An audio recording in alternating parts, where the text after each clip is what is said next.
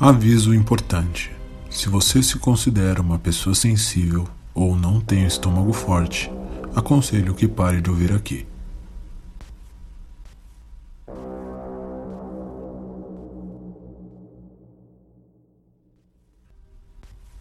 A Voz do Coração, por William Camargo.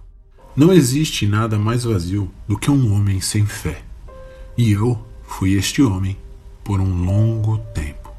A história sobre como encontrei minha fé começa em uma quinta-feira à noite, quando eu e mais três companheiros do departamento de polícia recebemos um chamado. Aconteceu um roubo à joalheria da cidade e três homens em um furgão estavam fugindo de uma viatura. Nos apressamos e conseguimos interceptar o furgão antes de entrarem na rodovia. Foram forçados a pegar uma trilha floresta dentro, e na terceira curva o furgão bateu em um pinheiro. Dois homens saíram do furgão e correram para dentro do mato. Desci da viatura atrás de um deles, que correu para dentro da floresta tentando me despistar. E após alguns minutos, o perdi de vista. Continuei a procurar o homem com a minha lanterna e 38 em punhos. Andei cautelosamente por alguns metros até sentir o cano gelado do revólver do desgraçado bem na minha têmpora, encostado em meu ouvido. Meu coração quase parou de bater. Pude ouvir todo o mecanismo da arma sendo acionado pelo cão. O maldito não disse nada, só puxou o gatilho. Mas alguma coisa deu errado. A bala explodiu pelo recuo do cão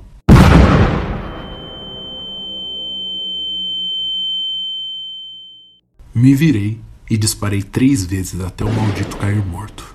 Fui levado ao hospital e a explosão do revólver me custou um tímpano. Perdi totalmente a audição do ouvido direito, o que não me impediu de entrar no FBI no mês seguinte, já que eu estava tentando há anos. Consegui um trabalho burocrático dentro do FBI, transcrevendo alguns depoimentos. Não era exatamente o trabalho que eu almejava como investigador, mas tudo tem um começo. É difícil acreditar que a arma tenha travado por uma coincidência, e na época, como um homem sem fé que era, acreditei.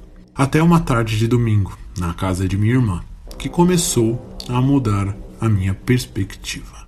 Meu cunhado Bill estava fazendo um churrasco, e como de costume, a família inteira estava reunida. As mulheres conversando na cozinha, eu e Bill falando sobre carros e meus sobrinhos correndo pelo quintal. Foi um dia agradável, como sempre. Me sentei em uma cadeira de praia após o delicioso churrasco e fechei os olhos para descansar um pouco. Podia ouvir as mulheres rindo, Bill arrumando churrasqueira, mas algo estava me incomodando. Um ruído que eu não deveria estar ouvindo estava ali, no lado direito, bem onde fiquei surdo. E aquilo estava me perturbando há alguns minutos. O ruído aumentava e diminuía. Continuei ali sentado e o som começou a mudar. No fundo, parecia uma voz.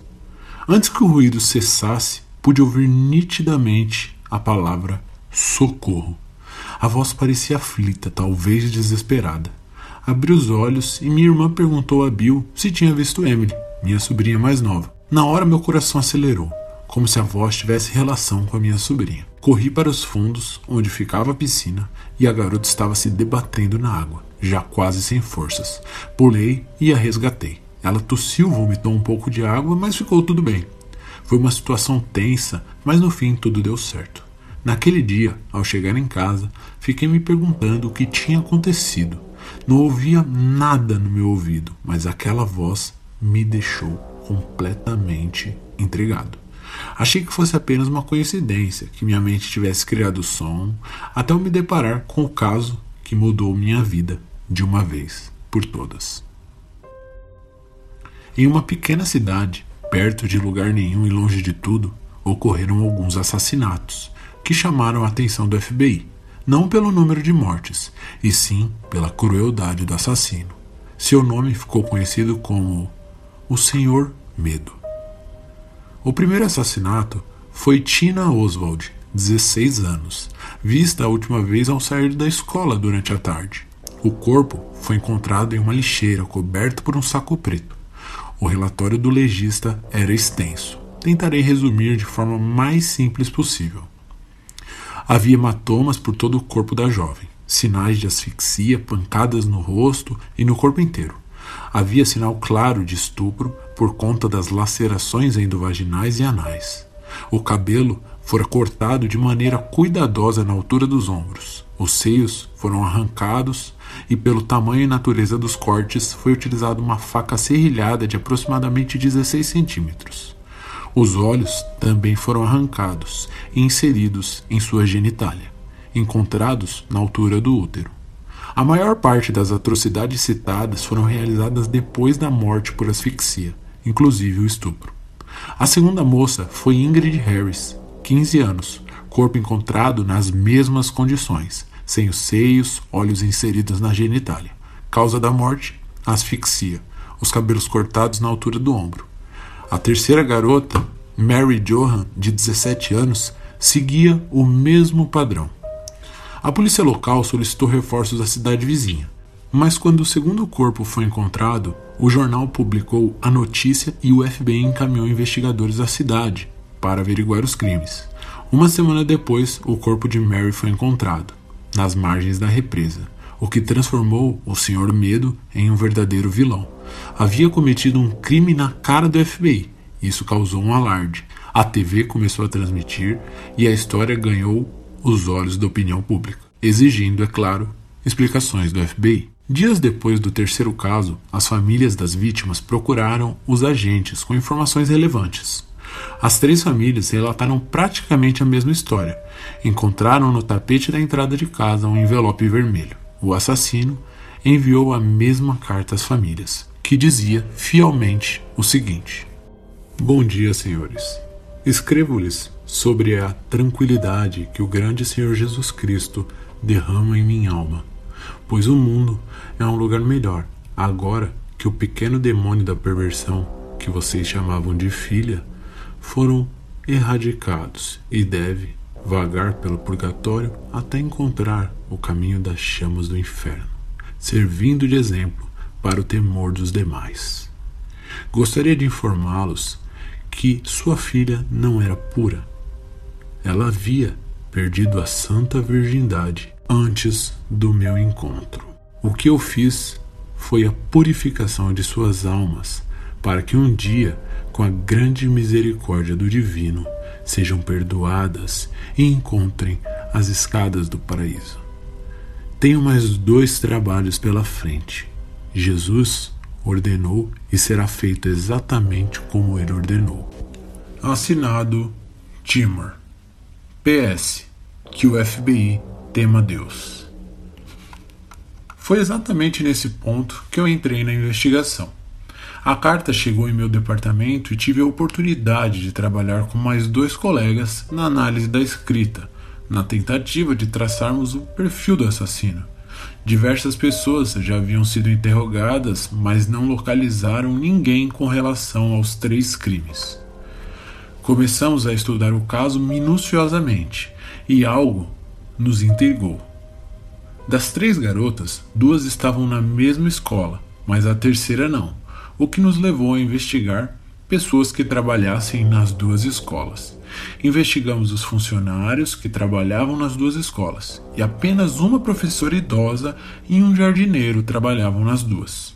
A professora foi descartada como suspeita devido à idade e problemas de saúde. Já o jardineiro estava viajando durante um dos assassinatos. Decidimos verificar os religiosos locais pelas menções a Jesus da carta, e nenhum suspeito foi localizado na igreja. Nos restava apenas os ex-namorados das vítimas, mas nenhum deles tinha relação com as garotas da outra escola levando em consideração o fato do assassino ser extremamente calculista por não deixar rastros. Logo, os adolescentes foram descartados. A opinião pública pressionava o FBI, que nos pressionava a solucionar o caso depressa. Os investigadores na cidade estavam interrogando mais e mais suspeitos e aguardando nossas análises. Alguns dias se passaram e uma importante notícia chegou.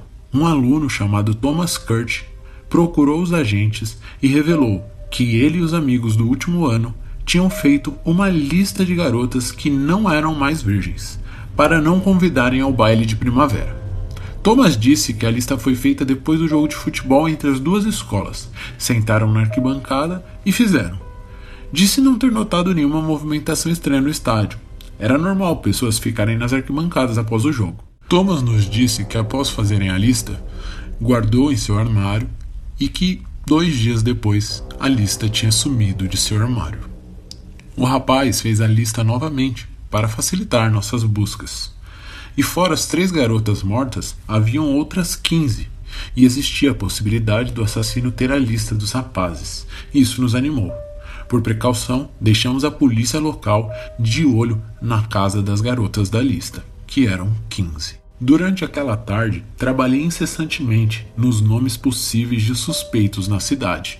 Fiquei exausto e quase me esqueci que tinha consulta com o médico do ouvido. Eram exames rotineiros para verificar a condição do ouvido direito. E relatei ao médico que naquele domingo, na casa de minha irmã, escutei ruídos estranhos.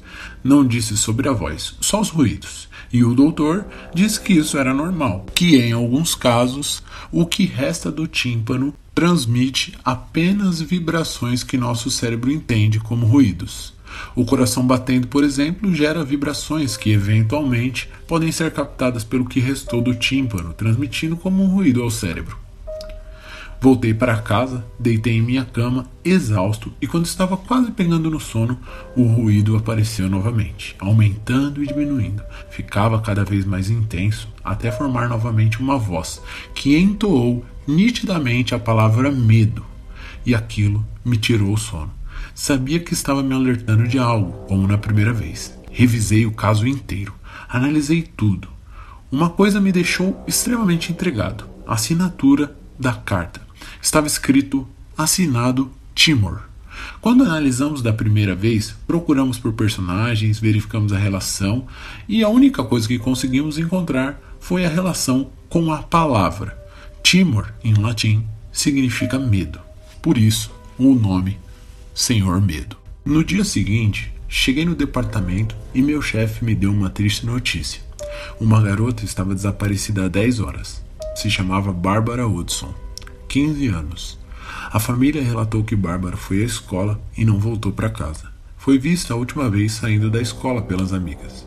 Uma testemunha a viu próxima do campo de futebol. Foi a última vez que foi vista. Os pais ligaram para as amigas e logo depois acionaram a polícia, devido ao estado de alerta que a cidade já estava. A polícia começou a busca imediatamente. Fui verificar a lista das meninas e seu nome não estava lá. Possivelmente, a lista não faria parte do padrão do assassino. Algo estava estranho. Sentia como se tivesse deixado passar algo. Revisei novamente o caso. Já estava prestes a desistir quando notei algo curioso. Os nomes das vítimas tinham um padrão. A primeira garota a ser assassinada foi Tiffany Oswald, em seguida Ingrid Harris, a terceira Mary Johan e a quarta Barbara Hudson. Tiffany, Ingrid, Mary e Barbara. Atente-se às iniciais dos nomes T, I, M e B. Algo estava errado. O maldito estava formando a palavra Timor, o que justificaria o final da carta, já que ele disse que faltavam dois trabalhos, ou seja, a letra O e a letra R. Mas por que o B? Peguei a lista novamente e olhei os nomes. A próxima letra seria o O, e existia apenas um nome das 15 meninas que tinha a letra O. Se chamava Olga Jerkin. Fiquei pensando sobre aquilo e resolvi ligar para a polícia da cidade. Questionei se os policiais ainda estavam vigiando a casa das garotas da lista. E não estavam mais. Os policiais foram retirados da vigia para ajudarem nas buscas de Bárbara. Na mesma hora pensei: o maldito fez de propósito. Sequestrou uma garota qualquer para voltar às atenções da polícia, deixando as verdadeiras vítimas desprotegidas. Desgraçado. Imediatamente informei meu superior e montamos uma armadilha nos arredores da casa de Olga. E naquela noite, o maldito do Senhor Medo foi pego. Seu nome era William Montgomery, 34 anos. Em sua casa foi encontrada amordaçada e sem nenhum ferimento Barbara Hudson. Também encontramos os cabelos das vítimas que foram arrancados, mergulhados em uma tigela com sangue e gasolina. O sangue era de algum animal, um antílope, talvez um alce. William era o jardineiro dos dois colégios. Seu álibi era fajuto. Disse que estava viajando e mostrou uma passagem para provar. Era falsa. Com certeza pegou a lista da mochila dos garotos. Tinha acesso aos vestiários das duas escolas. Foi condenado à pena de morte após cinco meses de julgamento.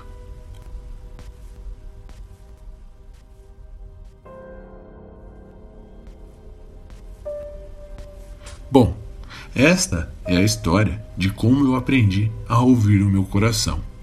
Encontrei a minha fé. E você, tem escutado o seu coração?